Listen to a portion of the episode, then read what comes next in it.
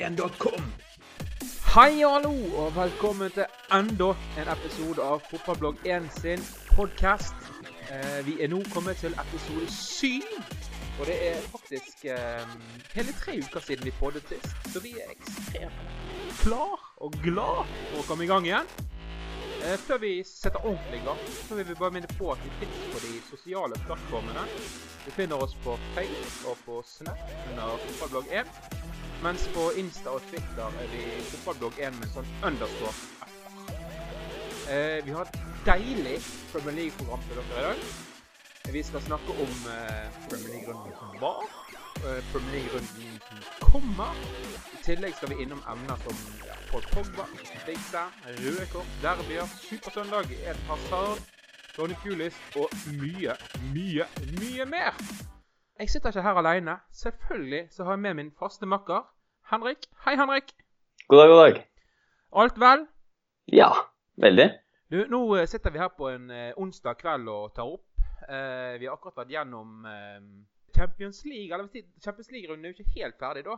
Eh, men har du fått med deg noe god Champions League-fotball i kveld? Ja, jeg har sett uh, bl.a. Liverpool slå på storformen. De er jo bra slag både i Premier League og nå også Champions League, så det har vært gøy å, det er gøy å se på det firkløveret framme der med Salah, Firmino, uh, Mané og Coutinho. Uh, de, er, de er virkelig i slaget, de altså. Det er, virker ikke så mye. som kan stoppe den angrepsrekken der? Nei, det er stor forskjell på, uh, på framover og bakover på banen i dette Liverpool-laget. Men, men, akkurat nå ser de mye bedre ut enn f.eks. Manchester City, som fortsetter å vinne, men ikke skårer like mye mål som de gjorde før i sesongen. Eh, Sjøl har jeg satt og sett på Tottenham eh, spille sin siste gruppekamp i Champions League mot Apoel.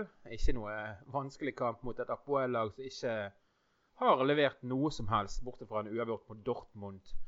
Eh, og i, akkurat i dette øyeblikket så skårer Tottenham og leder 3-0. Tottenham spiller med et reservepreget lag og eh, ja, Eh, var jo videre på forhånd, så Ja, de var videre uansett på innbyrdes mot Real Madrid. Så eh, nå har jo Real Madrid eh, klart å eh, øke mot Dortmund. De leder 2-0, så ble det 2-2, og nå eh, er det gått 90 minutter, og de leder 3-2. Så de får med seg en seier der. Selv Mest sannsynlig gjør det. Selv om det var veldig close, close at um, Dortmund endelig skulle klare å få med seg noe fra Champions League. Men for Dortmunds del så betyr jo det egentlig svært lite så lenge Apoel eh, taper. Da er de ja. i Europaligaen uansett. Så. Eh, for øvrig så ligger da eh, City under 2-1. Der er det også eh, B-lag, hvis man kan bruke det trykket om eh, Manchester City. De har jo et, uh, en tropp som ja, kan matche hvem som helst tropp i hele Europa. Men de eh, stiller eh, med en elver som eh, ikke ville stilt i Premier League. Er det noe mer vi bør nevne om Champions League-runden før vi begynner videre på programmet? Kan jo bare si at de engelske lagene, for de som følger med på Premier League, har jo virkelig slått tilbake da, etter å ha hatt mange år under pari. Så nå er det fire av fem er gruppevinnere, og alle fem går videre. Og det er jo ny rekord, eller antall, antall lag som er med til åttendelsfinalen. Så det er kun Chelsea som, eh, som ikke vant sin gruppe. Så det er jo veldig positivt da, for eh, de engelske lagene. Og det gjør jo eh, trekningen på mandag spesielt interessant. For det er jo en del regler i, i, Champions League og hvem man kan møte og ikke møte. Man kan jo ikke møte eh, lag man har vært i gruppe med, eller eh, fra samme nasjon eller liga. Ja. Så så Chelsea skal få det litt eh, tøft eh, der, altså. De har vel eh, så det var noen store sjanser for både Barcelona og Paris Saint-Germain. Så det kan bli en heftig åpningsfinale. Det blir gøy uansett. Vi gleder oss til mandag å se trekningen der med så mange engelske lag med. Det er jo fantastisk gøy. Si, si, si, si, si! Henry! Oui, monsieur! Monsieur! Je m'appelle Henry! Vi har jo, Siden sist vi poddet, så har vi eh, Så var jo et av temaene vi tok opp, eh, nye managere i Premier League. Uff. Og det er jo et tilbakeværende tema, dette her. For det, siden sist vi poddet, så er det to nye menn som har kommet til. Og det er jo Ja. en rekke her som aldri stopper. Så. Men vi har fått inn Sam Allardyce eh, tatt over Everton. Og Alan Pardew har tatt over West Bromwich. Hvis vi begynner med, med Everton, da. Hva syns du om den ansettelsen? Um, sånn på kort sikt, så hvis, hvis målet er å holde Everton i Premier League, så finnes det jo ikke noe tryggere kort. uh, sånn på kort, kort sikt på ett et års eh, Han har vel fått Er det ettårskontrakt? Eller er det kanskje to? Det er toårskontrakt. Det er toårskontrakt, ja. ja. Men, Eller eh, ett og et halvt ble det nå. Altså Ja, det- ja, ut, ja, sesongen. Ja. men uansett, så han eh, kommer til å holde Everton i, i Premier League uten tvil. Det er ikke noe snakk om i det hele tatt. Uh, føler jeg meg ganske trygg på. Uh, men så blir jeg jo litt paff og lei, og at vi liksom ai, tar den runden på nytt da med Sam Allardyce. eh, begynner å, kjenner jeg begynner å bli litt lei av eh, samme gamle tralten. Det, jeg har null tro på at han tar Everton til eh, noen nye høyder. Men Everton er jo Altså, De lå jo aldri så langt nede at det var på en måte snakk om at det her nedrykksspøkelset skulle komme og, og, og spise de opp. Men men er det litt sånn eh, desperat handling fra Everton? De, har, altså, de sikter jo høyere enn å redde seg fra nedrykk, regner jeg med. Ja, absolutt. eh, Men så, sånn jeg har sett det, i hvert fall, så, så har jeg sett Everton eh, etter at eh, Ronald Koeman fikk sparken. Eh, jeg, jeg tror ikke Everton hadde rykket ned med Ronald Koeman, men jeg tror godt de kunne funnet på å rykke ned om han eh, David Ernsworth hadde vært Hvis han hadde sittet hele sesongen, det hadde han ikke gjort uansett. Men det jeg så av Everton under han, det er det er altså noe av det dårligste jeg har sett i, eh, i, i Premier League. Altså, det er det. Og den, eh, det toppet seg med den eh, hjemmekampen i Europaligaen mot Atalanta. Uff, fy. Det der var ikke bra, altså. Det virker liksom som Nå skal vi ikke ta, ta at vi skal ta David Unsworth for noe, for han, han er jo ikke en manager på dette nivået. Men eh, det var eh, ingen plan over noe som helst. Det virket som om eh, spillerne der ute prøvde å kommunisere seg mellom å finne på noe der og da. Så nei, det var trist å se på. Men du får i hvert fall en viss form for struktur på det da, med, inn med Sam Allardyce. Så ja, det blir sikkert noen morsomme kamper utover i sesongen, men noe mer enn det tror jeg egentlig ikke det blir. Jeg har funnet frem en morsom statistikk her. Eh, eh, Sam Allardyce har altså da vunnet fem av sine syv første Premier League-kamper eh, når han har hatt ansvar for sine syv siste Premier League-klubber.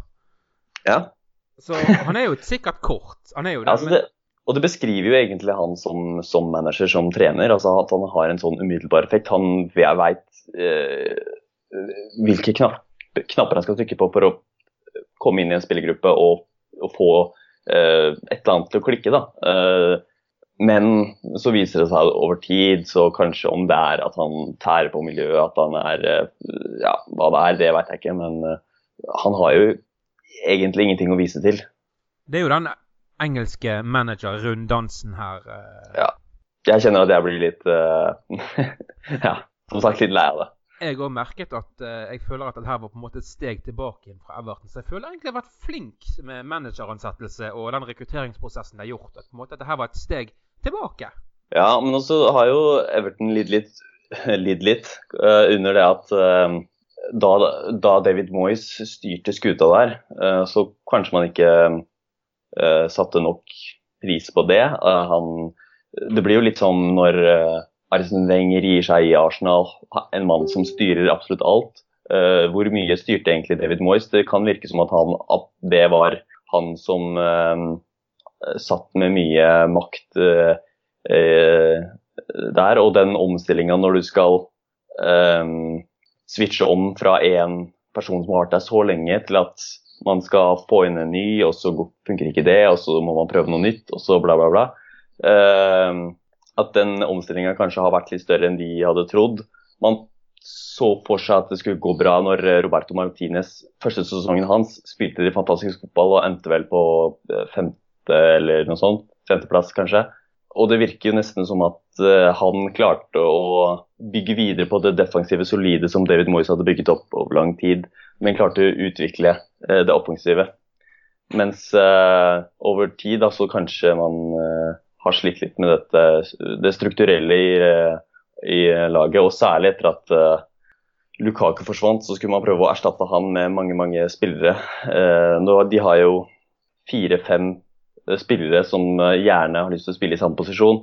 Så balansen og dynamikken i det laget der nå, det er ikke som det skal være.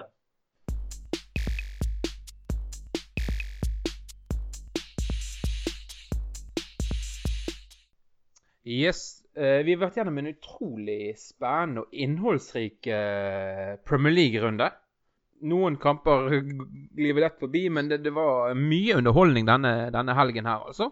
Mm. Deilig eh, kamp først, da, for, eh, for du som er Newcastle-supporter. Ja, vi har jo hatt en tendens til å nå sjokkere på bortebane mot store lag, da. Men eh, det viser seg at det de er to, tre, fire knepp for gode. Og selv om vi Dwight Gale klarer å skåre både på Old Trafford og Eh, Stamford Bridge. Så blir de for sterke for oss, rett og slett. Eh, men det var jo artig for kampen sin del at uh, Gale kom frem og skåret, da. Ja, altså, nå, akkurat den kampen så jeg ikke, fordi da var jeg dessverre på jobb. Men, ja.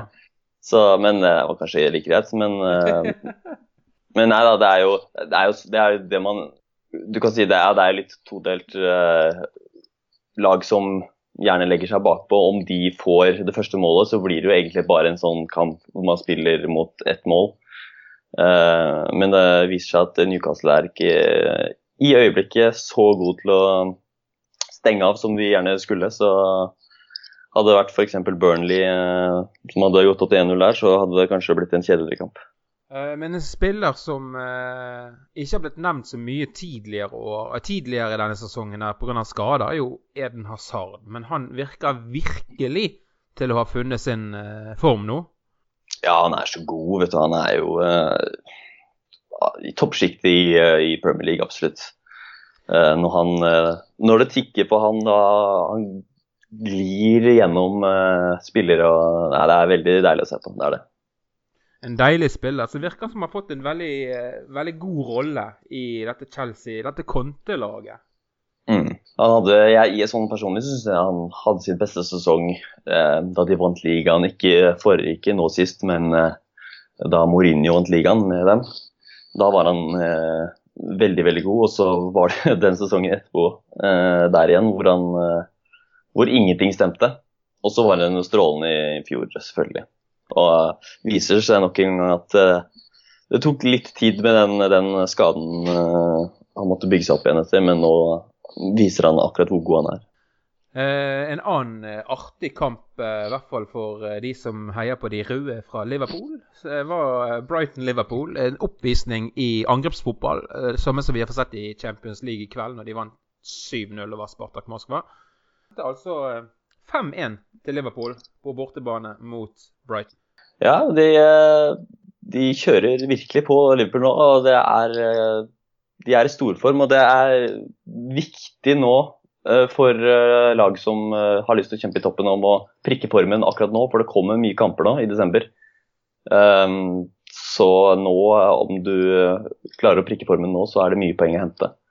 Og ditto dumt å være ute av form, som et visst uh, lag fra, som du holder med, kanskje bør begynne å få opp dampen nå. Jeg skjønner ikke hva du mener.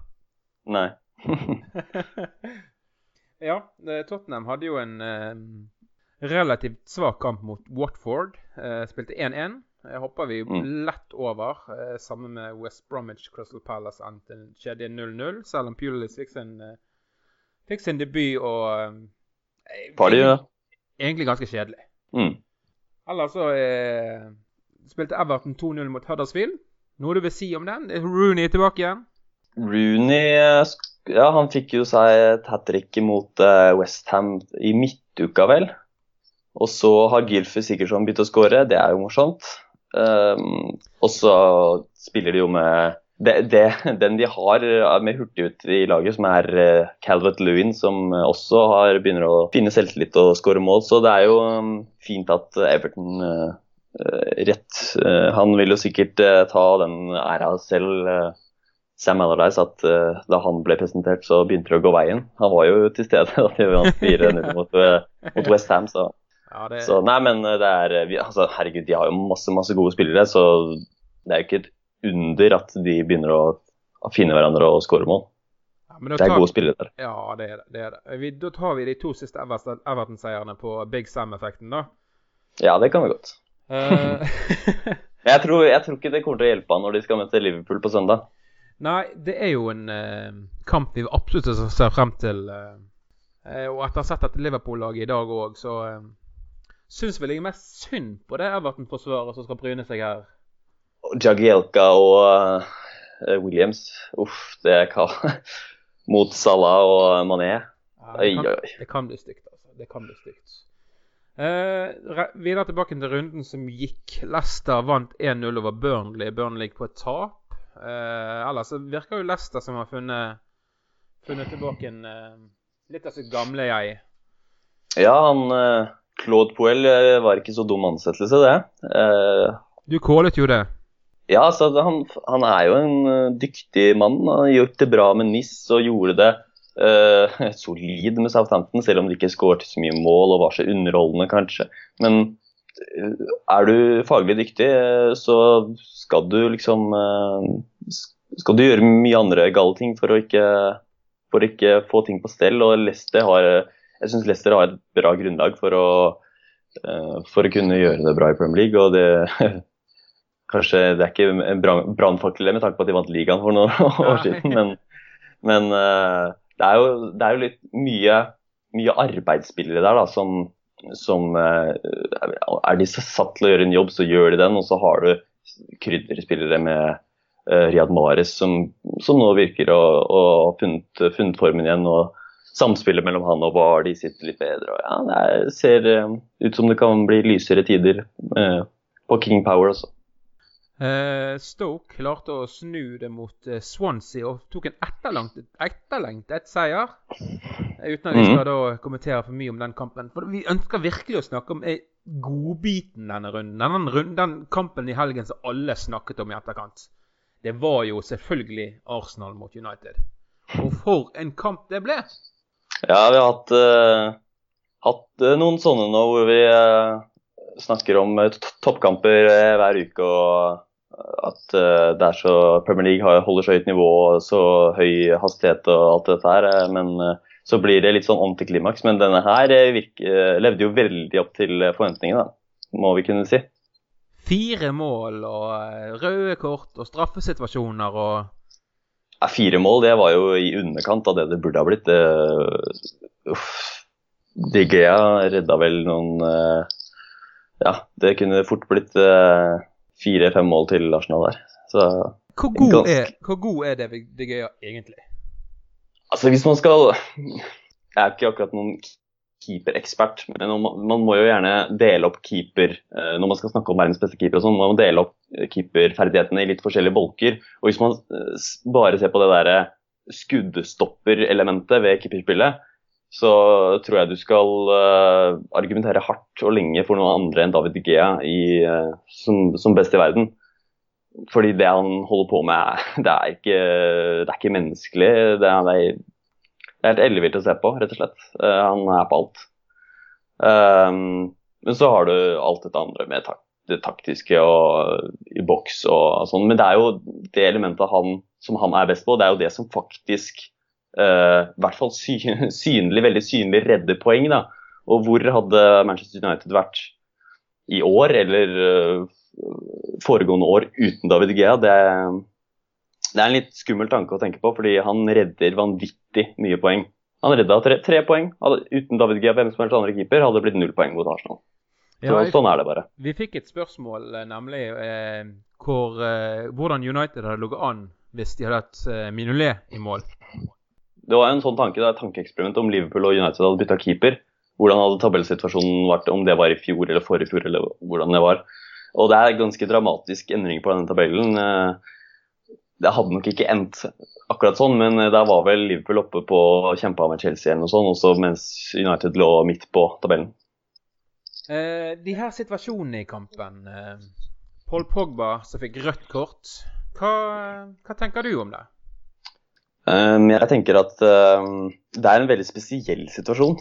Ofte så syns jeg man kan uh, komme med argumenter for og mot som gir mening. men her syns jeg det er vanskelig. Altså, jeg syns det er vanskelig å argumentere godt for at det skal være soleklart rødt kort. Jeg syns det er vanskelig å argumentere godt for at uh, det ikke skal være rødt kort. Så men altså, det er jo en uh, Han kommer inn i ikke i kjempestor fart, men uh, stor nok fart til at det, det kan være farlig. Og han kommer med knotter. Og det er jo da sånn i regelverket, så, så kan det ikke kvalifisere til rødt kort. Og samtidig så er det Bellerin som gjør en litt sånn merkelig manøver med å legge beinet sitt i en veldig rar vinkel eller rar posisjon. Uh, så jeg synes det er en vanskelig situasjon. Men, men, men gjør han det med vilje? Pogba? Ja. Nei, det kan jeg ikke tenke meg. Uh, er han bare uheldig fordi at uh, Bellerin altså, det, er det, er en, det, er jo, en slags, det er jo en slags 50-50-duell om ballen. Og han løfter jo beinet, og det ser jo så litt klønete ut. Det burde jo kanskje gå an å Det er vanskelig å sette seg inn i situasjonen også, men det burde jo kanskje gå an å, å sette beinet sitt Eller å unngå å treffe han sånn som han gjør, men ja, nei, Det er vanskelig å sette seg inn i, i situasjonen med fart og avstand og alt dette her. Men uh, at det er noe ondsinnet i den situasjonen, det, det, det, tror jeg ikke i det hele tatt. Nå vil jo sannsynligvis Pogba på, få på seg et rykte for å være en stygg spiller. Men uh, jeg fant opp en artig statistikk her. var at uh, Sist gang Pogba fikk rødt kort, det var faktisk i 2013. Var det Juventus, da? Juventus mot Palermo, ja. Ja, nei, jeg har ikke noe inntrykk av at Pogba er noe uh, sånn stygg spiller sånn sett. Nei, det Men, uh, men man må dømme, man må Dommeren uh, tar jo et valg der og da. Sånn er det bare. Vi, vi sitter med reprisen ja, flere dager etterpå, ser den om og om igjen og klarer kanskje ikke helt å bestemme oss. Det er veldig splitta, ettersom jeg har skjønt. Men, men vi kan fint argumentere for at det er rødt kort uansett. Ja, jeg synes, man skal i hvert fall ikke uh, snakke om noe dommer, uh, dommergreier her. Det, er, uh, det ble rødt kort, og sånn, sånn, er det bare. Men at det ikke ble noe etterstraff for noe stygt Man ser jo gjerne det at, at de kanskje får noen etterstraffer, men at han klappet litt Så ut som han klappa litt sarkastisk også etter det. Men sa tre kamper, og så la det være med det. Men er det, er det dommerne klapper til? Er det publikum han klapper til? Er det hvem? Ja, det er, det er, jo helt umulig å vite det, da. Men eh, det er også og det er jo også en sånn Det kommer jo i effekt. Og jeg syns man er litt kjapp til å uh, dømme spillere som gjør kanskje en sånn gest i et uh, veldig kjedelig uttrykk, men i kampens hete og alt det her, ikke sant. Um, så la nå det gå sin gang, og så, så er det ikke noe vits å ta det videre. Det skader ingen. Eh, siste kampen det var Manchester City mot Westham. Eh, der Manchester City igjen klarte å snu en kamp og stikke av gårde med seieren. Eh, var det noen forbedring på Westham sin side, så du, eller eh, er det bare ren flaks at de skårer og på en måte skaper litt spenning i kampen? Nei, altså det er jo forbedring eh, i den forstand at eh, Manchester City skaper null og niks i første gang. Og eh, Westham uh, må, må kunne si at Westham gjør sin del av jobben for at, eh, for at det så, blir sånn. Um, og så er det jo en, mange spillere i Westham som har Westham har en litt sånn greie om at de møter kan møte litt opp i de, disse store kampene, uh, hvor de er totalt underdogs. Jeg sa vel på forhånd at dette her, uh, dette her blir veldig, veldig stygt. Eh, med Sabaleta mot eh, Leroy Sané på kanten her. Men Sabaleta spilte en veldig bra kamp. Og, eh, men det har litt med at jeg tror City er litt inne i en periode nå hvor de har hatt mye kamper og kanskje ikke så mye rotasjon som de skulle ønske på, på laget. Nå har de jo fått anledning til det ved å sende ut et B-lag i Champions League nå. Så de er sikkert eh, fått litt mer energi når de skal møte Manchester United uh, helgen. Så, men uh, de tok seg veldig opp i andre omgang og skapte veldig mye sjanser. Og, og da klarte ikke Westham å holde, holde imot lenger. Det som er artig, er jo at City spiller uten, uten å tenke så utrolig mye konsekvenser at de på en måte pusher så mye fremover, for de vet de må ha mål. Og de går når de får 1-1, så går de for 2-1 òg. Og må bare sende folk fremover og, uten å på en måte holde igjen. Ja, og det skaper mye gøye angrepskamper. Absolutt, og det, det kan man jo si, det kan man gjøre når man har eh, spillerne av det kaliberet der. Uh, man ser jo andre lag som må ta sine forholdsregler, fordi de, de er ikke gode nok på gjenvinning til å presse høyt til alt dette her. Um, og holde ballen i laget som Manchester City her, De bare maler og maler og maler på. og Du ser jo hvor høyt, hvor høyt de står, hvor mange. og det, du, Westham har jo muligheter til å kontre dem, faktisk, men der er ikke Westham eh, uh, sterke nok. Eh, Arenatovic kom inn på slutten og hadde noen eh, noen eh, baller på kanten her som han kunne gjort litt mer med. Men nei, de spiller med enorm risiko, særlig når de må ha mål.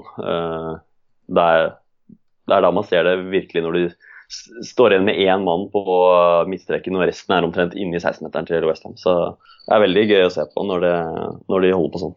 Yes, og det var det kampen som avsluttet den 15. serierunden. Kan jeg bare si bare kjapt om den, eller ikke bare om den kampen, men om Manchester City den siste uka? at vi hyller jo Manchester City for hvor eh, enormt gode de har vært, og hvor når de vinner 5-0, 6-0, 7-0 og alt dette her. Men det er jo den siste uka nå at de viser at de virkelig kommer til å vinne Premier League. Uh, som jeg ser det.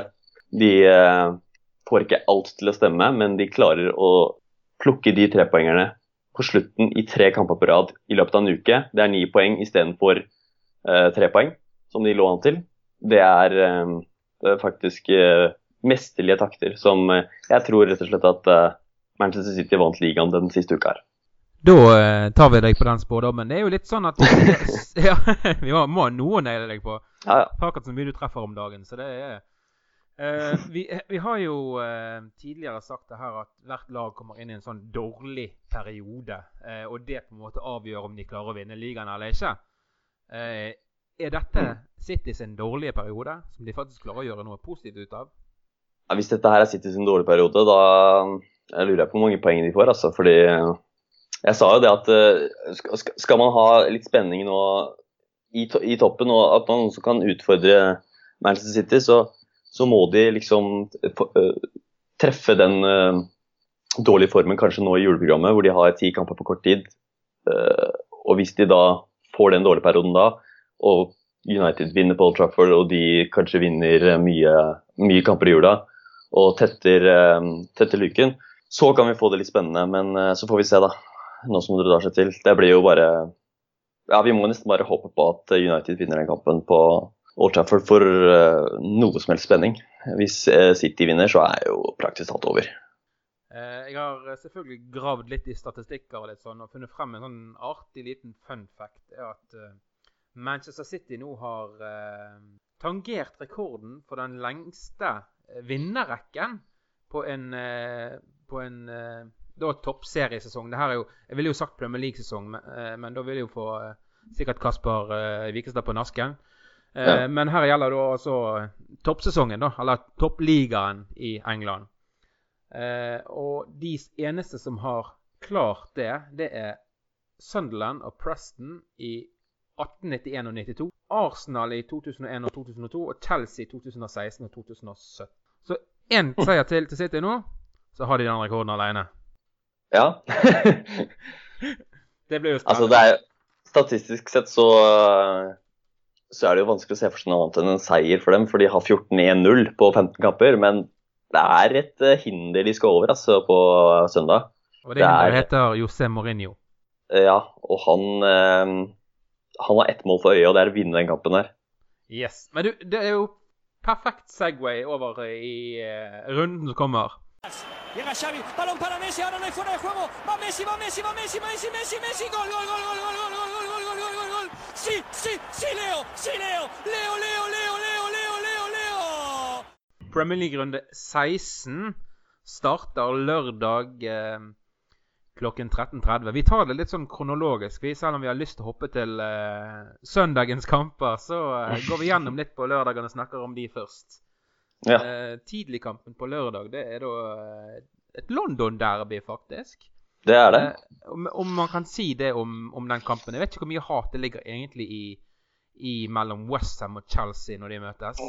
Det tror jeg er Det har sikkert dabbet litt av sånn senere årene, men det er jo opprinnelig er det liksom et av de store derbyene i London. Det er jo eh, litt sånn um, I London er det vel litt sånn vest mot uh, øst, uh, om jeg ikke tar det helt feil. Uh, I hvert fall at, at Chelsea er liksom de litt fisefine ehm, Den fisefine delen av London, mens Westham er arbeiderklassen. Ehm, men ja, jeg føler ikke at det er noen sånn veldig Derby-stemning i, i årets utgave av dette oppgjøret. i hvert fall. Men det skal i hvert fall spilles på London Stadium, hjemmebane for Westham. Uh, og Westham har ikke vunnet uh, siden 30.9, så det begynner å, å bli en god stund siden at de smakte på det å vinne fotballkamp. Og samtidig som Chelsea ikke har tapt siden 14.10, så det er noen ting som tilsier at det kan bli tøft for Westham dette her. Um, på hjemmebane så har Westham kun vunnet to kamper, mens Chelsea har vunnet fem på bortebane. Eh, og historisk sett så er det egentlig ganske jevnt uh, fordelt uh, med seier og uavgjort og tap mellom disse her. De har jo møtt hverandre veldig mange ganger. Men hvis man ser, ser på oppgjørene dem imellom etter at Abramovic tok over, eller kjøpte Chelsea i 2004, så så er det Chelsea som har vært fullstendig dominerende, med 17 seire av 24 mulige. Så det er en litt sånn blå følelse for den kampen her, egentlig. Hvis du ser på skader og skadene til de forskjellige lagene, så er det Westham uten eh, Mest sannsynlig uten eh, som ble skadet mot eh, City. Fonte og Reed har vært ute, men bør bli klare. Og Noble har ikke vært med på en stund. Han ble skadet i, siden de tapte mot Watford, tror jeg det var, i, i runde tolv. Så han er litt usikker på om han blir klar til den kampen. Han er jo en viktig spiller, kontinuitetsbærer for et Westham-lag som sliter veldig. Eh, samtidig som Chicharito eh, også er usikker. Eh, vært ute i vært ute i fire kamper, så han er jo en av de største målskårertruslene til Westham. Så nei, de sliter litt med skader, så det, sånn sett så er det heller ikke et godt tegn på Westham.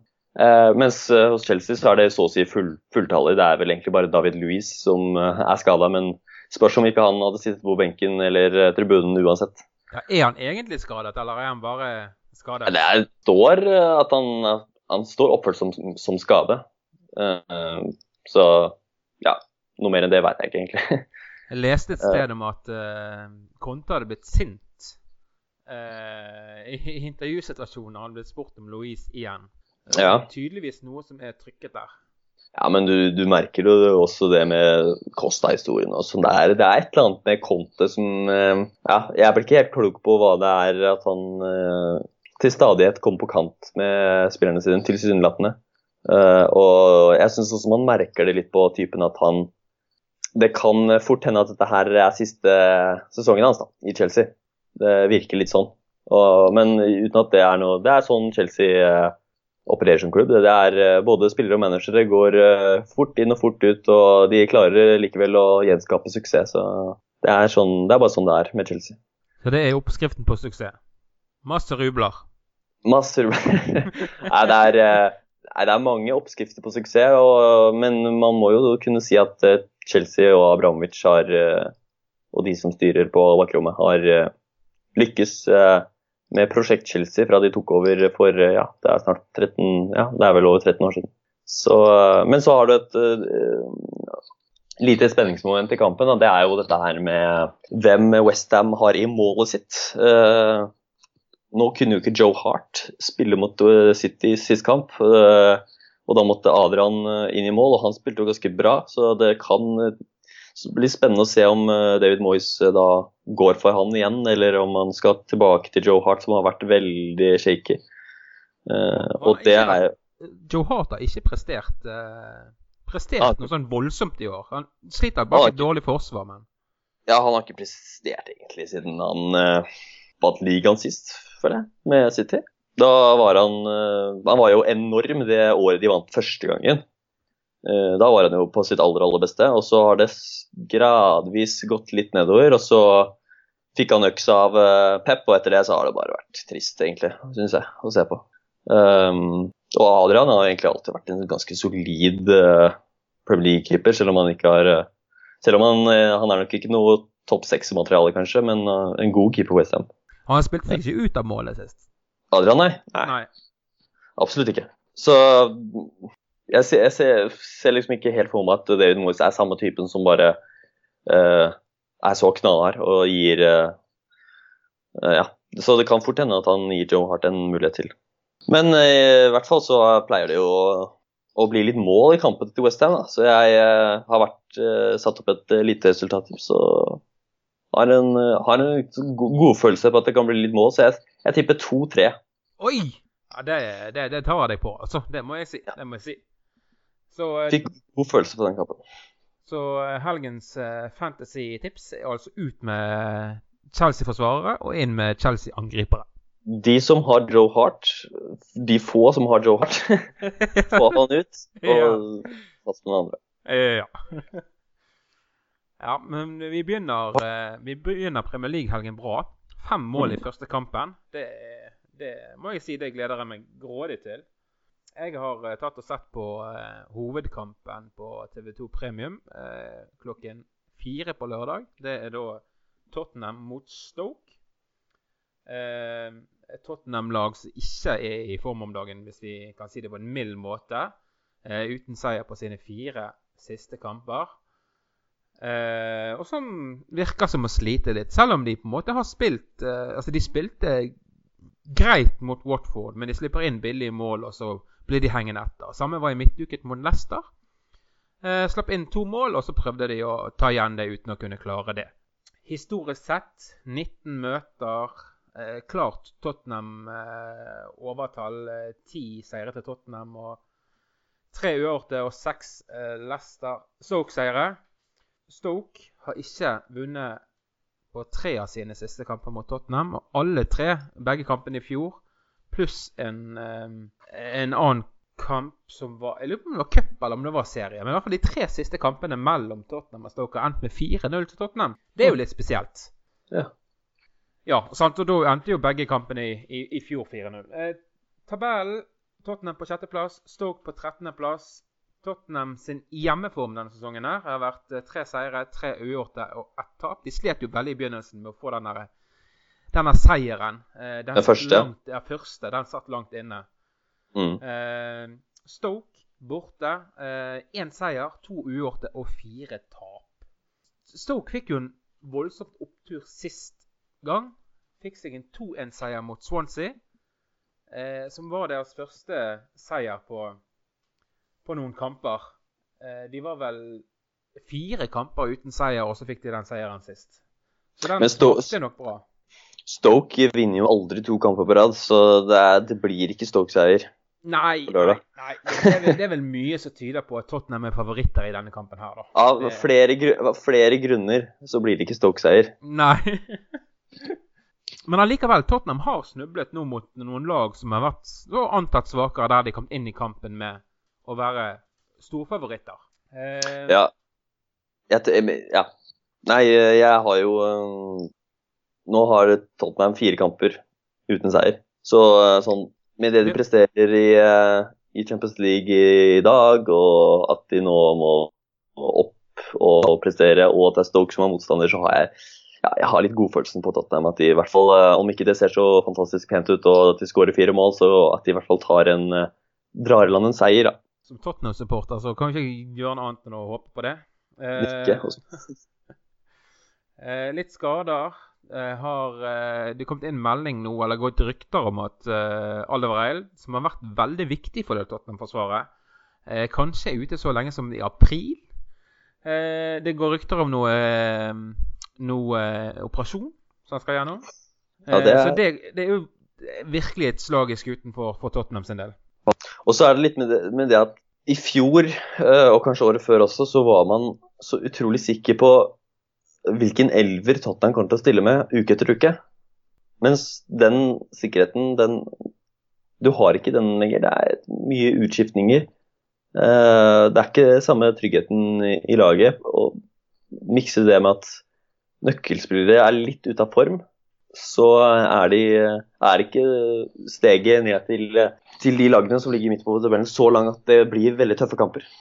Nei, det, det, det viser seg at uh, alle de her uh, avgjørende spillerne at de må på en måte fungere sammen, og de må være på form samtidig. Eriksen, Ali, Kane. uh, Og alle har vel egentlig vært ganske ja, tynn suppe i hele år, egentlig. Ja. Han har ikke, ikke lagt på nivået han lå i, i, i fjorårssesongen. Eh, en annen spiller som Tottenham egentlig savner, er Wanyama. Eh, det defensive ankeret der. Har eh, Dembele kom inn nå sist og hadde en veldig svak kamp. Eh, så de mangler han, men han òg er ute på ubestemt tid. Stoke de mangler da Martins, Ireland, mens Cameron står som usikker. Kort oppsummert så er Tottenham storfavoritter i denne kampen her. Og jeg òg, både meg og Henrik, tror at de innfrir. Jeg har satt opp eh, 2-0 som, som eh, resultat. Som betyr at vi faktisk har eh, ganske målrike kamper eh, de to første kampene. Vil du tippe noe annet, Henrik? Mm, Jeg er ikke så uenig med det, men jeg, kan, eh, jeg tipper Stoke skårer, da, så det blir 2-1. Yes. Da er det altså ut med Tottenham-forsvarerne òg, på Fantasy. Ja, altså, Ben Davies er jo Du aner jo ikke om han spiller eller ikke, så han må jo ut uansett. Yes. Eh, vi går like så godt videre til en av de andre 16-kampene. Henrik, du har sett på da eh, storkampen mellom eh, Burnley og Watford. Ja, det er en Ja, faktisk ikke så langt unna som man skulle tro. Det er syvendeplass mot åttendeplass på tabellen. Så det er jo tabellnaboer litt for høyt oppe på tabellen man skulle tro. Men det som er litt spesielt med disse to lagene, er at, og særlig Burnley, det er at de er best på bortebane i år. Og Burnley tok vel eh, to poeng sånn på bortebane i hele fjor.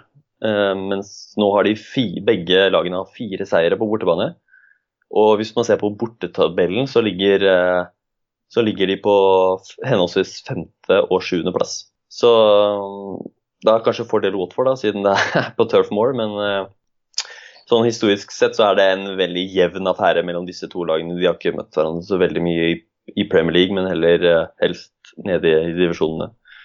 Eh, så det har blitt mye uavgjort eh, de siste årene.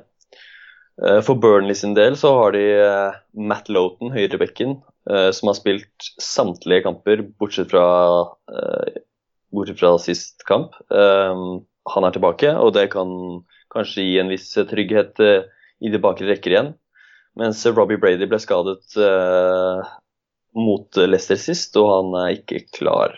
Og så har du Watford, eh, som har jo eh, langtidsskader på en del spillere. Kabul, Shal Shaluba og Isaac Success. Så de har ikke vært med noe særlig i år så langt. Og så har de Will Hughes, da, som har vært, eh, vært god i det siste. Han, eh, han fikk seg en strekk eh, i kampen mot Manchester United.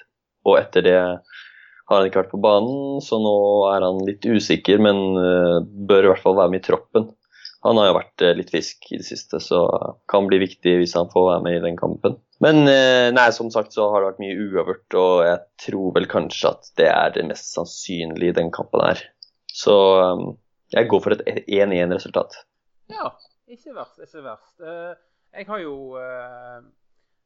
et, hatt et Burnley Jeg har hatt et fantasy-lag som har vært veldig dominert av Burnley-forsvarere. Mm. Eh, nå har jo de sluppet inn mål i de to siste kampene. Eh, Er den tiden forbi? Ja Altså, jeg syns uh, de eh, stort sett eh, altså, Når de slipper inn mål, så slipper de inn veldig lite mål også. Uh, det er jo stort sett ett mål de slipper inn. Eh, men eh, ja, nei, jeg syns de har, de er billigere Hvis du sånn fancy-messig, så har de billigere, billige forsvarere eh, som uh, har tendens til å holde nullen. Så jeg, jeg vil ikke sånn Jeg ville ha fortsatt hatt, uh, hatt de som alternativer, egentlig. Ja, vi hopper nå bare like godt videre vi til, til en av de andre 16-kampene. Crystal Palace mot Bournemouth. Ikke akkurat et oppgjør det lukter svidd av. Jeg har funnet frem en litt sånn artig statistikk. For Crystal Palace har da ennå ikke skåret Nå skal Crystal Palace spille hjemme, men har ikke skåret på bortebane i år. Og det er faktisk det første laget siden Manchester City i 1950 som ikke har klart å skåre på sine ti første bortekamper i Premier League. Men de, eh, det er ikke mange oppgjørene de to har møtes i Premier League. Det er bare fire stykker, og det har endt rimelig jevnt. Eh, Crystal Palace har vunnet én, Bournemouth har vunnet én, og to har endt uavgjort. Forrige sesong så endte dette oppgjøret altså 1-1, mens Crystal Palace vant eh, 2-0 når de spilte borte. Det er nedover på tabellen med begge to. Bournemouth på 14.-plass med 15 poeng. Crystal Palace på 18.-plass med 10 poeng. Eh, Crystal Palace har jo da fått en oppsving etter, eh, etter managerbyttet. Selv om det har gått mye i uavgjort. Eh, de har én seier, fire uavgjort og ett tap på sine seks siste kamper. Eh, men kanskje det de kan slå seg mest på brystet med, at de faktisk ikke har tapt noen av de sine fem siste hjemmekamper. De har begynt å, å skape et fort på hjemmebane. Eh, som kanskje er nøkkel til, til, suksess eller til overlevelse, som egentlig Crystal Palace kjemper, kjemper for, sånn som vi ser det. Ja, absolutt. Um, og så er det en litt sånn artig greie det her, altså at etter kampen sist mot, um, mot West Bromwich, hvor de sikra seg et uh, 0-0-resultat, så er det første gang denne sesongen at de ikke ligger på siste. Oi, ja. Uh, så det er jo hyggelig for dem. Og det er jo det som er, uh, som du sier, oppskriften. Klarer de å gni uh, ut uavgjort på bortebane og, og, holde den statistikken de har hjemme nå med Roy Hodgson, så, så bør de jo kunne klare å holde seg. Og jeg ser det er flere lag som har prestert dårligere enn Crystal Palace etter 15 kamper, uh, syns jeg, altså. De viser i hvert fall en tegn til bedring, eh, som, som, ser at de faktisk har mulighet til å redde plassen. Mm. Men eh, de, de, kommer nok til å havne nedi der, ja. Det... Ja, altså de er ikke noe, de noe topp ti-lag. Det er de ikke. Noe. Eh, nei, det tror jeg ikke. Bournemouth er jo òg nedi der, eh, ja. og vil nok være det denne sesongen her i hvert fall.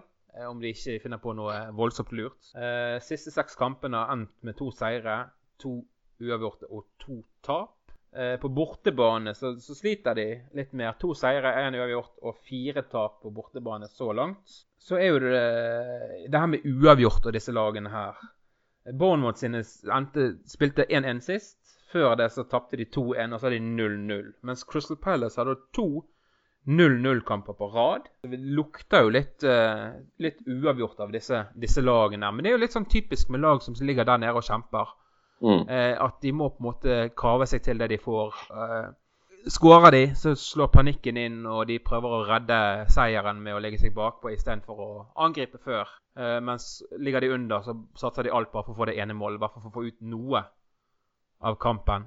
Og så har du litt det med at ikke bare et, hvis du vinner da mot eh, en, nedryks, eller en kamp mot de lagene der nede, så er det ikke bare eh, tre poeng for deg selv, men du tar jo potensielt tre poeng bort fra konkurrenter der nede. da, Så det er jo veldig verdifullt også.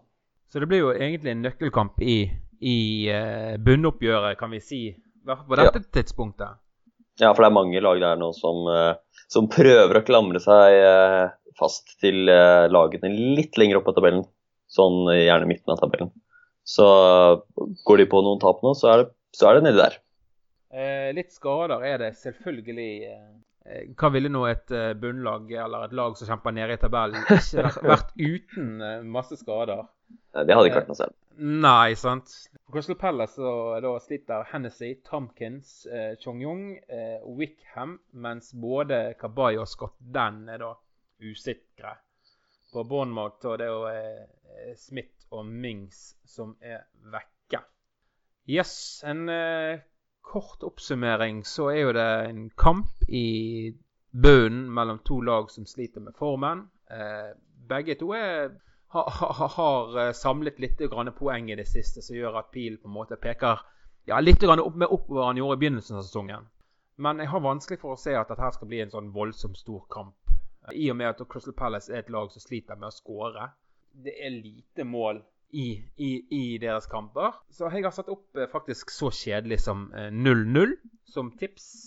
Og så håper jeg at de eh, gjør skam på min spådom og skårer masse mål. Ja, um, bare sånn sett med noen norske øyne, så har, har jo Joshua King begynner å våkne litt til liv nå, kanskje. Og, Ingenting hadde vært mer gøyere enn å se en Joshua King eh, som når eh, nivået fra i fjor med, med opp- Ja, og nå med fikk- 15-16 skårte han jo sist, og fikk eh, Skårte ikke han sist? Eller tar jeg helt feil nå? Han skårte ikke sist. Det har vært eh, midtukerunde, det var kanskje da han skårte. Men eh, det er ikke så lenge siden han skårte, i hvert fall. Eh, og han har vel eh, Hadde han tre, tre mål i fjor, til jul? Ja, det hadde han. før- han våknet fullstendig på våren. Så jeg, jeg personlig tror ikke han kommer til å skåre 16 mål igjen, men at han kan uh, gjøre den samme operasjonen en gang til og skåre mye mål på våren, det kan godt skje. Men det er jo så gøy med, med, med Joshua King, er jo det er han som måte får tilliten i Bournemouth. Det er jo han som blir valgt gang på gang når Ja. de andre bytter. Ja, og det, er, det viser jo egentlig bare hvor mye Ediao setter pris på Joshua King.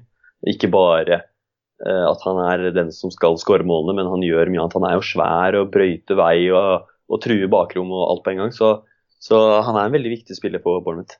Vil du eh, komme med et annet resultattips enn eh, det kjedelige 0-0-resultatet jeg eh, lanserte? Mm, jeg um, ser jo for meg at det kan fort bli eh, men det er så små marginer, det er så lite som skal til. Det er liksom en kokoskamp. Det kan fort skje en eh, veldig rar situasjon som gjør at eh, et lag får et mål. Så Nei, men sier jeg 1-1, da, bare sånn for å, Ja. at det skal bli litt mål. Ja, Mål av Joshua King. Ja, det hadde fint. Yes. Uh, vi dveler ikke noe mer med den kampen der og går videre til en kamp som kanskje ikke lukter helt svidd av det heller. Huddersfield mot Brighton. Ja, det er jo de to, i tillegg til Newcastle, så er det de to lagene som rykket opp. Så det er naturlig at det er en historisk kamp i Premier League. Det er jo for så vidt egentlig alle kamper Huddersfield er med i, siden de, det er første året deres. i, eh, men eh, de her har jo møttes eh, mange ganger før, men ikke i Premier League. Og det er Det er i, i kampene de har hatt seg imellom i både championship ja, og lavere divisjon, så er det ofte tette jevne kamper, og det kommer det til å bli nå. De er for så vidt sånn ganske dårlig form begge lag. Eh, fire kamper uten seier på noen av dem, mens Huddersfield har fire strake tap. Eh, det er ikke mye, det er ganske fulltallige tropper, så det er ikke så mye å si på det. Det er eneste er at eh, Huddersfield Van, Van La Parra han skal sone sin siste kamp etter at han fikk rødt kort mot Manchester City. Ellers så er Brighton fulltallig. I fjor, eh, da de spilte i championship, så vant de hver sin kamp på hjemmebane. Veldig sånn standard. Så, eh, men sånn bare på bakgrunn av det at eh, Huddersfield eh, er veldig dårlig form nå, og jeg syns at Brighton har vist litt mer solide tendenser og har litt mer matchvinnende eh, spillere på banen Pascal Gross og eh, Murray og Escudero og litt eh, ja, knockout på kanten og litt sånn, så, så tror jeg kanskje at de kommer til å trekke det lengste strået. Men jeg tror ikke det blir en veldig målrik kamp, så jeg har sagt opp 0-1 til Brighton. Ja, eh, Brighton er jo kjent for å være i målfattige oppgjør, bortsett fra når de møter eh, Liverpool. Ja, Vant Liverpool 5-1. Yes. Eh, den neste kampen på 16-listen på lørdagen, den siste av 16-kampene. Swansea mot West Bromwich. Så du kommer ikke Hvis du nevner eh, bunnkamp, så, så er vel dette her det, det, det nærmeste du kommer, egentlig. Swansea har rett og slett nå, er det, nå er det mye svake kamper syns jeg. Altså. Ja, det er det. det er det. Men, men eh, altså Nå har jeg nesten fått en vane for å male litt, uh, male litt uh, svarte natten her og komme med spå, dyst, dyst, dystre spådommer, men jeg klarer ikke å se noe positivt ut av denne kampen her, altså. Swansea har vært fryktelig dårlige. Ja, de har det. Det er, det er ikke til å stikke under en stol, og det er ikke til å Det kaller han spade spade. De har vært je- ve- veldig dårlig. Ligger på sisteplass. De har vunnet to kamper i år, de har det. Eh, Ni poeng. Eh, de ligger bak Crystal Palace.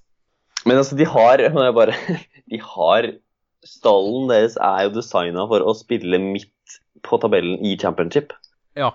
Det er, det er ikke veldig gode Premier League-fotballspillere igjen i den, eh, i den eh, stallen der. Altså det er liksom eh, Jordan Ayu som holder et visst eh, nivå. Tam Abram jo, eh, har jo eh, bra eh, potensial, selvfølgelig. Kan bli bra, men du ser på det, den stallen der. eh, Tom Carroll er bra. Ja, de har jo en, eh, en tidligere spiss eh, Tidligere spiss som skårte sist. eh, Wilfred Bonny. Ja, Med nummer to på ryggen. Nummer to på ryggen. Det Det er er- litt spesielt, da. Det sier jo egentlig bare alt, syns jeg. da. Ja, ja det er Veldig konservativt. det- Ja, det, det er meget spesielt, rett og slett. men OK. Så, sånn er det. Og Tammy Abraham han er vel Chelsea sin eiendom, ikke han det? Mm. Helt feil? Han blir ikke med ned, i hvert fall. Hvis de rykker Nei, det tror jeg ikke. Det tror jeg ikke. Yes. Historisk sett på denne kampen her, så er det jevnt. Åtte seire til Swansea, to uavgjorte og fem seire til West Bromwich av 15 kamper. En sånn typisk her vinner hjemmelaget kamp. Eh, siste seks oppgjørene disse to imellom, så har det vært fem hjemme hjemmeseiere og én uavgjort. Swansea sisteplass, West Bromwich på 17.-plass. Swansea sin siste, sine siste seks kamper har endt med én uavgjort og fem tap. West Bromwich sine siste seks kamper har endt med tre uavgjort og tre tap. Swansea har spilt fire hjemmekamper på rad uten å vinne. Og West Bromwich har ikke vunnet på sine siste, siste 14 kamper. Nå tegner jeg et dystert bilde her. Mm. Swansea hjemme denne sesongen. Én seier, én uavgjort og fem tap. West Bromwich på bortebane. Én seier, to uavgjort og fire tap. Kanskje begge taper. Ja, det, det hadde faktisk kanskje vært det mest eh, rettferdige. Men vi, vi har jo ikke snakket om eh, Alan Pardy i West Bromwich. Da har vi troa på han, egentlig.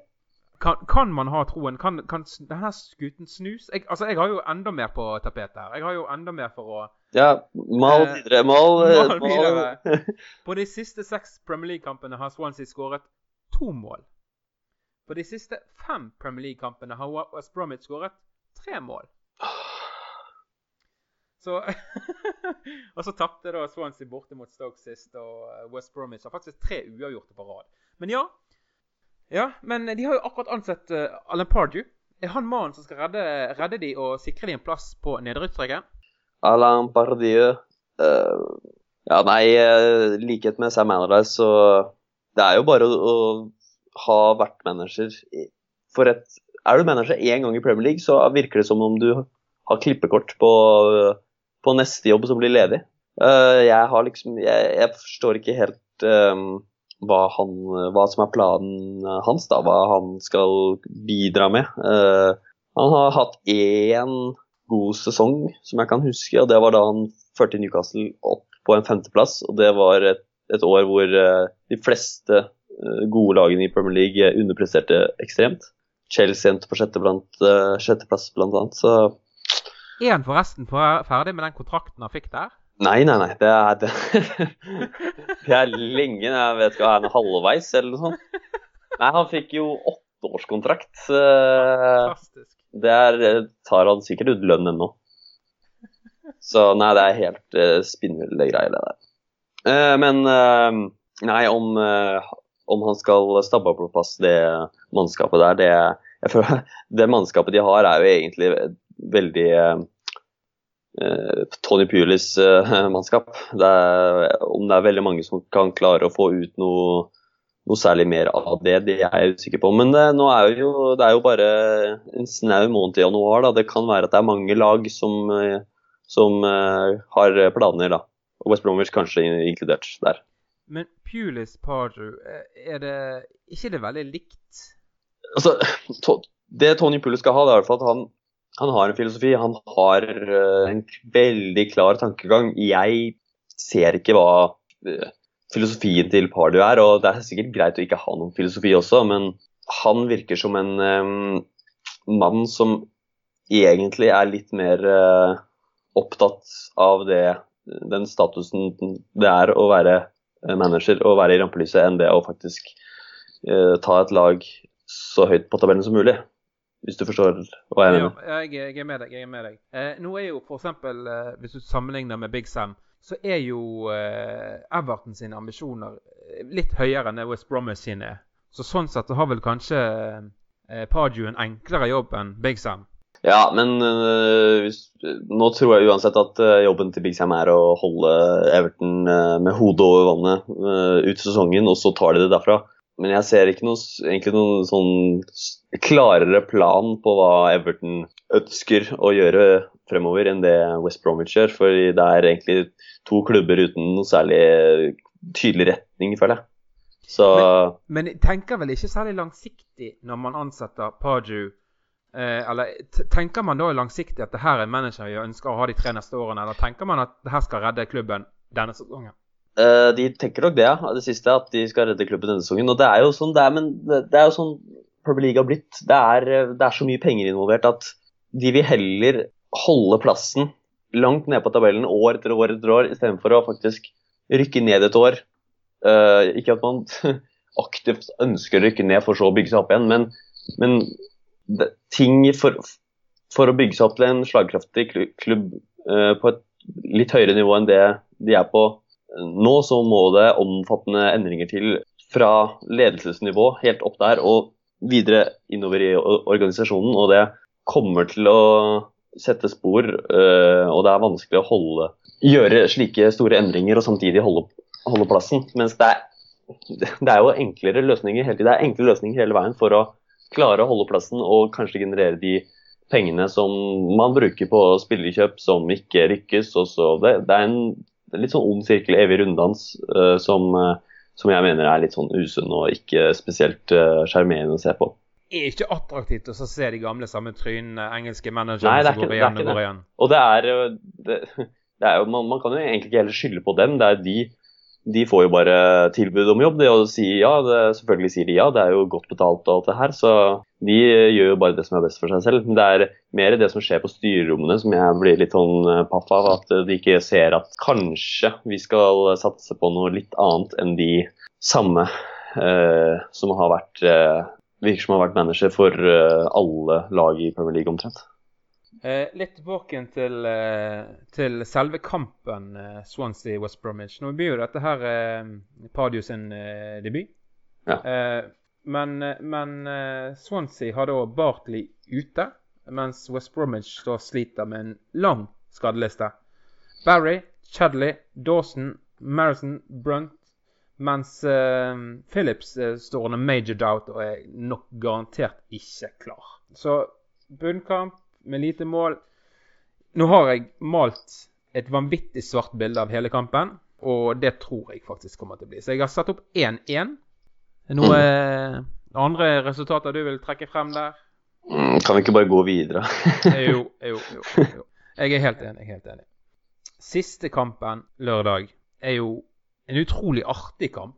I hvert fall sett med, med, med dine øyne. Og jeg, du møter et, Newcastle møter et Leicester i, i oppsving Mm. eh, til kamp. TV2 Premium. Ja, endelig jeg får sett kampen, faktisk. Det er jo Yay! ikke dårlig, bare det. Eh, men eh, det som er dårlig, det er jo formen til Newcastle. Det er, det er ikke bra. Fordi det er ett poeng på de siste seks kampene. Eh, det var jo Virket jo veldig bra der en stund, og så har det gått skikkelig på tverke siste, siste tiden. Eh, og så Men så skal sies at vi har hatt en del kamper eh, nå mot eh, lag oppi der. Eh, Chelsea, både Chelsea og Manchester United eh, som Ja, det er der vi Det er ikke der vi skal ta poengene. Selv om det hadde vært fint å, å gjøre det. Men nei, så har du Newcastle har jo vært tradisjonelt gode på hjemmebane og skal være det og bør være det. Men så har de gått på noen skikkelig miner nå ved hjemmetap mot eh, Bournemouth. Og så en fryktelig kamp hjemme mot eh, Watford hvor vi tapte 0-3. Um, Går lett i glemmeboken. ja, men samtidig så må vi jo vite hvorfor det går så dårlig òg. Nei, jeg klarer ikke å glemme det så godt, vet jeg egentlig. det er dumt, dumt det her. ja. Men eh, så var det jo en liten opptur av med bortekampen mot, mot West Bromwich, da det også så helt forferdelig ut. 2-0 eh, til pause, og vi klarte å snu det. Det ble 2-2. Eh, og det er jo en sånn eh, kamp, typisk kamp med nettpoeng. Gir en boost og selvtillit inn i spillertroppen. Så jeg håper jo virkelig at de kan klare å reise seg litt grann, nå. Og det er hjemmekamp, og nå har vi hatt noen tøffe kamper. Og da kanskje vise om de har klart å bygge seg opp litt selvtillit. I hvert fall med å skåre to mål på, uh, mot Manchester United og Chelsea og snu 0-2 til 2-2. Og at jeg har bygget opp litt selvtillit uh, inn mot kampen mot Leicester. Men så har de jo Leicester med, med nå 11 poeng på de siste seks, så de er jo i veldig god form. Um, så det er ikke en enkel, overhodet ikke noen enkel kamp. Uh, vi har snakket om Puel og at han har uh, virkelig gjort en jobb med det restelaget. Så har du hjemmestatistikken til Newcastle. Den er på 3-1-3, så det er liksom ikke noen, uh, det er ikke noen horribel statistikk det for et nyopprettet lag, tross alt. det er jo en stall som virkelig trenger oppgraderinger på sentrale posisjoner. Og Leicester sin bortestatistikk den er på 1 eh, seier, fire uavgjort og to tap. Så de har mye uavgjort borte. da. Det er jo vanskelig å slå, men har ikke vunnet så mye heller. Eh, for Newcastle sin del så har de eh, hatt kapteinen deres, Lascelles, ute i flere kamper. og han, han har vært viktig. Var viktig i opprykkssesongen og vært viktig i den gode perioden vi, hadde tidlig i sesongen nå. Så han melder seg å være klar igjen, og det, blir, det, det kan være forskjellen på 0, 1 og 3 poeng, det. Så håper han starter. Samme med Christian Atsu. Han har også vært ute litt, og han er, er, det er, Og det er litt av noe av problemet. Når du er avhengig av en spiller som Christian Atsu, da trenger du forsterkninger. For han, eh, han har sine dager, men eh, stabiliteten, den er ikke der. Uh, Venstrebekk Paul Dummet han har ikke spilt noe særlig i år. Han har vært mye skada, han er fortsatt ute. Så der må vi fortsatt vel spille med Javier Manquillo, på, som egentlig er høyreback, på venstreback.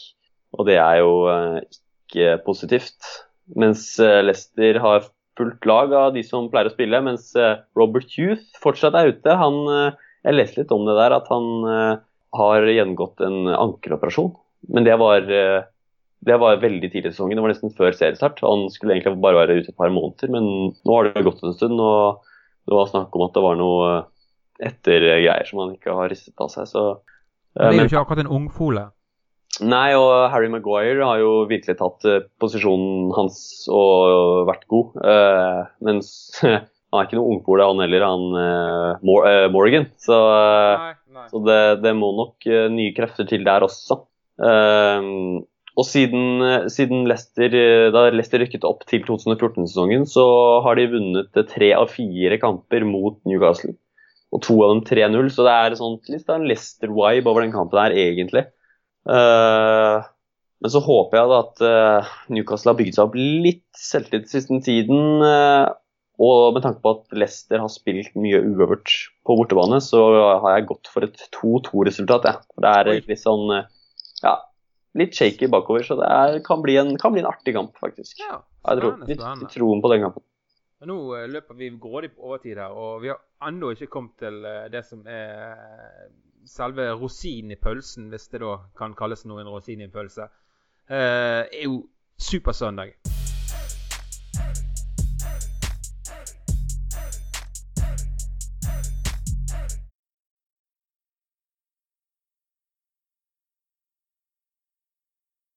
Skikkelig søndag med deilig fotball. Tre deilige kamper. Uh, og vi får bare hoppe rett i det, vi, fordi vi begynner å løpe ut for tid. Ja.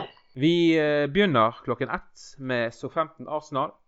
Et uh, Arsenal som presterer bra på hjemmebane. ikke så bra på bortebane. mot et SO15 som, som sliter. De sliter og sliter. De ligger midt på tabellen, men presterer på det jevne veldig ujevnt. På det jevne veldig ujevnt. yes.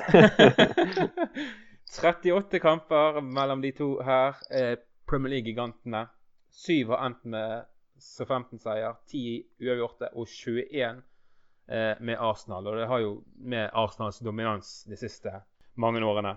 Forrige sesong så endte det, eh, seier til Arsenal i begge kampene. 2-1 eh, hjemme og 2-0 borte. Altså det, motsatte, det samme oppgjøret her i fjor endte altså 2-0 til Arsenal. Arsenal på femteplass Så 15 på 11. plass. Så 15 denne sesongen hjemme har, har vunnet tre. To uavgjort og tre tap. Mens Arsenal borte har vært eh, to seire, én uavgjort og fire tap.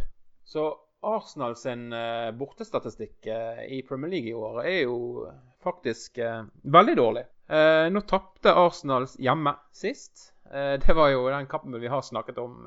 Forrykende kampen på Emirates mot Manchester United. Eh, men så 15 da spilte 1-1 mot Bournemouth. Eh, Arsenal siste seks oppgjør uansett konkurranse. Tre seire og tre tap. Mens så 15 har én seier, to uavgjorte og tre tap. Lite skader på begge to lagene. Eh, Long og Suárez er usikre for C15, mens eh, Carzola er ute. Mens eh, Mustafi er usikker. Eh, det, er jo, det er jo en kamp som virkelig åpner denne supersøndagen. eh, Det er en fin, eh, fin sånn eh, oppvarmingskamp, egentlig. Bare en appetizer. ja, kose seg litt med den. Det kan jo bli en fin kamp, det også. Særlig med tanke på at Arsenal ikke spiller uavgjort. Så det blir jo enten hjemme- eller borteseier. Men kan eh, så 15 yppe mot uh, dette her Arsenal-laget? Ja, det tror jeg. Det tror jeg virkelig. Arsenal er jo favoritter i denne kampen. Jeg har eh, eh, faktisk satt opp eh, det som ikke skjer, nemlig poengdeling. Jeg har satt opp Ja. 1-1 som, eh, som Ja. mitt resultat i denne kampen. her. Men eh, så, herregud, det kan jo skje, det også. Det er bare at Arsenal har spilt én uavgjort, eh, mens Southampton spiller veldig mye uavgjort. Eh, eh, og så kommer vi til Derby søndag, og vi begynner 15-15. Liverpool mot Everton.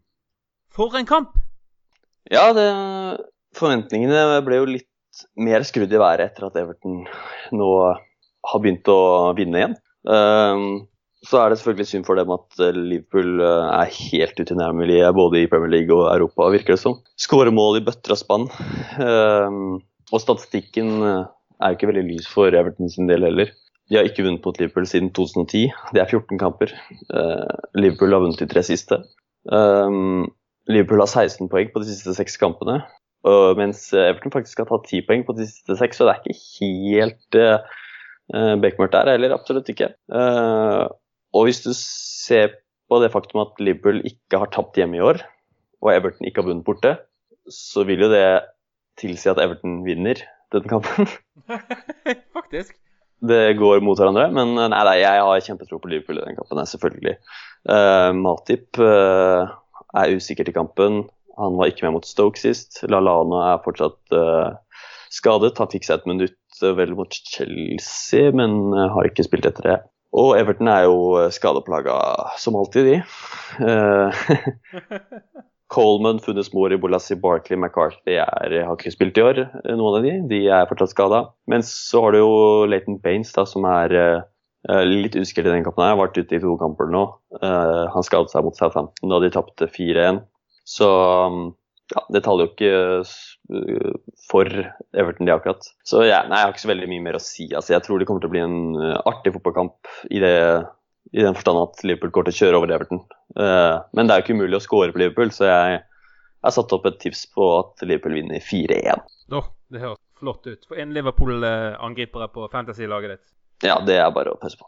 Eh, rundens siste kamp er kanskje hovedkampen, høydepunktet i, i hele runden, som vi alle ser frem mot. Eh, der jeg tegnet eh, et veldig dystert bilde over Swansea West Bromwich, så skal jeg nå tegne et eh, desto gladere bilde eh, over disse to lagene. Eh, først litt historikk. Eh, United med et klart overtak. 46 Premier League-kamper, 25 seire til United, 7 uavgjorte og 14 City-seire. Eh, City ligger på førsteplass med 43 poeng. 8 poeng bak ligger United. Og United har da syv seire av syv mulige på hjemmebane. City har syv seire av syv mulige på bortebane. Det er En av de statistikkene brytes jo. sånn. I, rett og slett. Eh, så kommer kanskje det deilige. er at City har vunnet sine siste 13 Premier League-kamper. Mens Manchester United har vunnet sine åtte siste Premier League-kamper. Så her er jo motsetningene. Det er, altså, i, I teorien så kan jo ingen tape. Ja, var det sa at United har vunnet åtte kamper i- Siste Premier League. ja, på hjemmebane? På hjemmebane. Ja, ja, på hjemmebane. Ja. Da er jeg med. Ja. Unnskyld. uh, I tillegg da så er eh, United på hjemmebane ganske trygge bakover. Uh, uten innslupne mål på de syv av åtte siste hjemmekampene i Premier League. Det var Dwight Gale, det. Det var Dwight Gale. ja, så eh, United vant borte mot Arsenal sist, den har vi snakket om. Og City vant eh, hjemme mot OS, Ham 2-1. Skader på begge lagene. Baili, eh, Carrick, mens Fellaini og Jones er usikre. På City så er det da Jones og Mandy, mens Silva hoppet jo av med en eh, skade sist, så eh, han ryktes usikker. Men det skal være sagt at han er fin til helgen igjen. Mm. Eh, ja, kort oppsummert. Jeg ser for meg en kamp som er veldig eh, Det her er jo taktikkeri på det høyeste plan. Det er som Premier Leagues Pep Guardiola mot José Mourinho. Eh, hvem er det taktiske geniet? Hvem er, hvem er den flinke her? Hvem på en måte går ut seirende ut av den på en måte toppduellen? Første mot andreplass. Det er Pep mot eh, José. Det, det, det, det, det, det, det er julaften, rett og slett. Mm. Eh, og så er det Hva var det altså Der Pep på en måte skal spille sin fotball uansett, og det er totalt, og det er angrepsfotball, så er José taktikeren.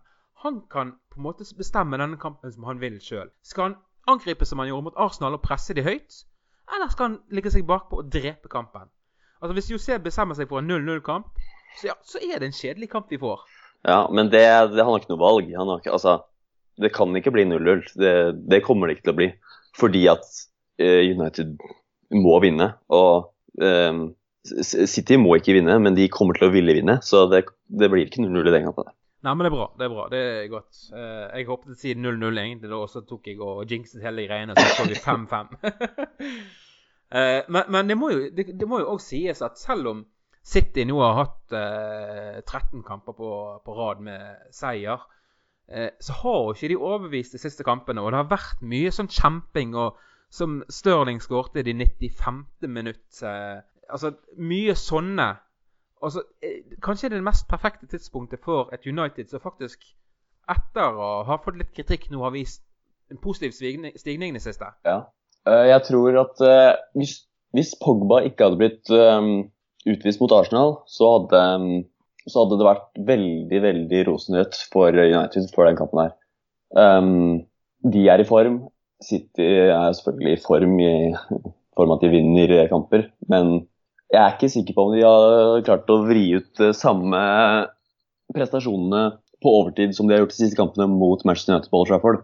Men eh, nå har du den lille, lille um, greia at eh, Pogba ikke skal være med, og han har vært ekstremt viktig i det offensive de siste kampene for Manchester United etter at han kom tilbake fra skade.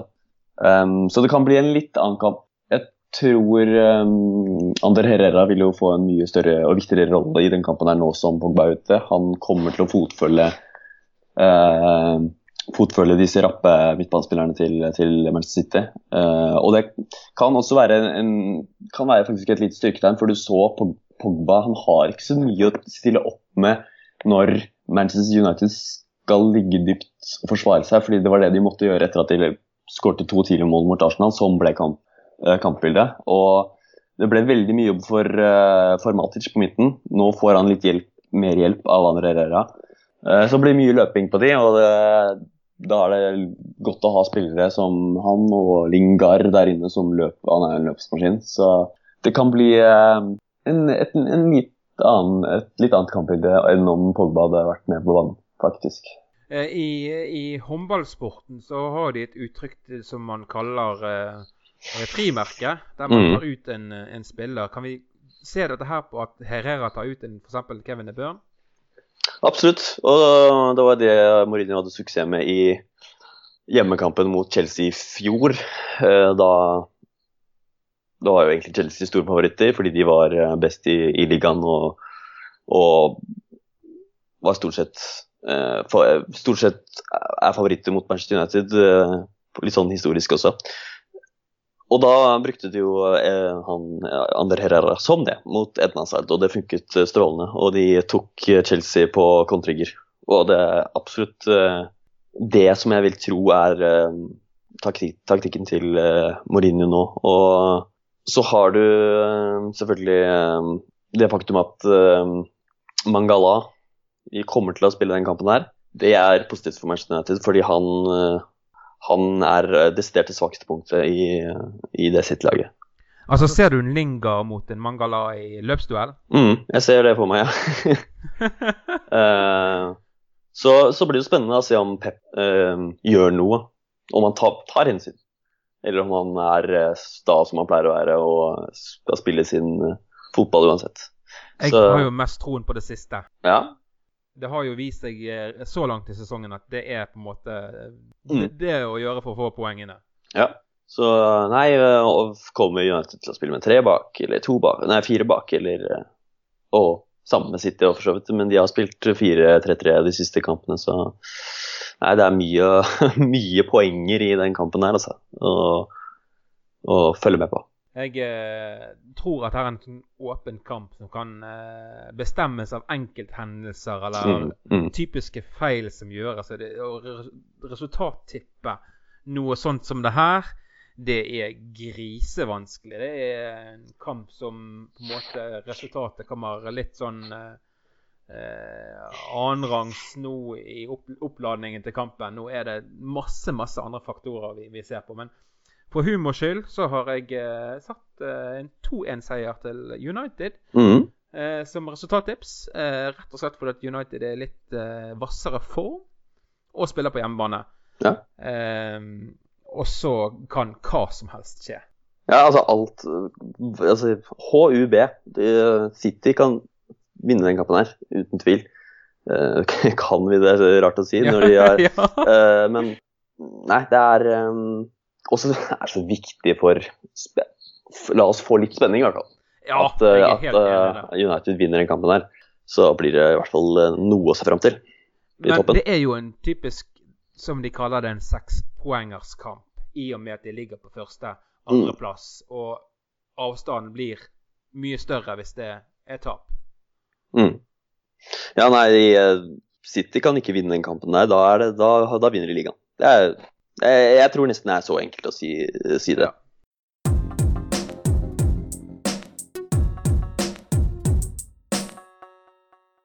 Yes, da har vi vært gjennom runden. Men før vi slutter av, så har vi et sånn vanlig eh, spørsmål. Hvem er rundens bookingfavoritt? Hvem tror du, Henrik? Uh, det var den der, den der. Ja, jeg har truffet på, greit på de. Det har ikke vært så vanskelig eh, tidligere. Jeg, men, jeg kan eh, si så mye som at i denne runden her, så er det faktisk to kamper. Det er to lag som er like store favoritter. Å ja, så da er det litt lettere å treffe på en, altså. Skal vi se. Da går jeg for Liverpool. Yes. Det er korrekt. Og så den andre, da. Syns du jeg klarer å treffe den. Ja, det må jo Nei, det må bli Chelsea. Nei, det er Nei! faktisk ikke Chelsea. Det er faktisk Tottenham. Nei, Tottenham, ja. Yes. Nei, jeg tror, eh, jeg tror heller Chelsea. det har jo litt med at uh, Chelsea spiller på bortebane, så det du får litt, uh, litt Stat- grann bedre odds. Statistikk og sånn som spiller inn der. Ja, ja, ja, ja, ja. Yes, da har vi vært gjennom dagens program. Vi har sittet altfor lenge. Ja, som vanlig. Eh, som vanlig. Det blir jo sånn når meg og deg tyter. Yes. Uh, men det er jo bare deilig. Absolutt. Absolutt. Men da ønsker vi rett og slett å takke alle som har hørt på oss. Eh, vi er tilbake igjen eh, før eh, i, Kanskje før jul. Kanskje i romjul, eller kanskje rett etter nyttår.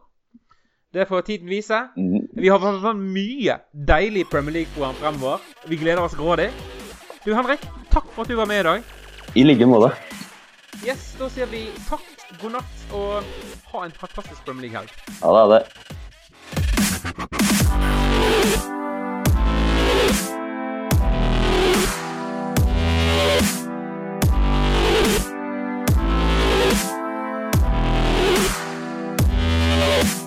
FootballBlogging.com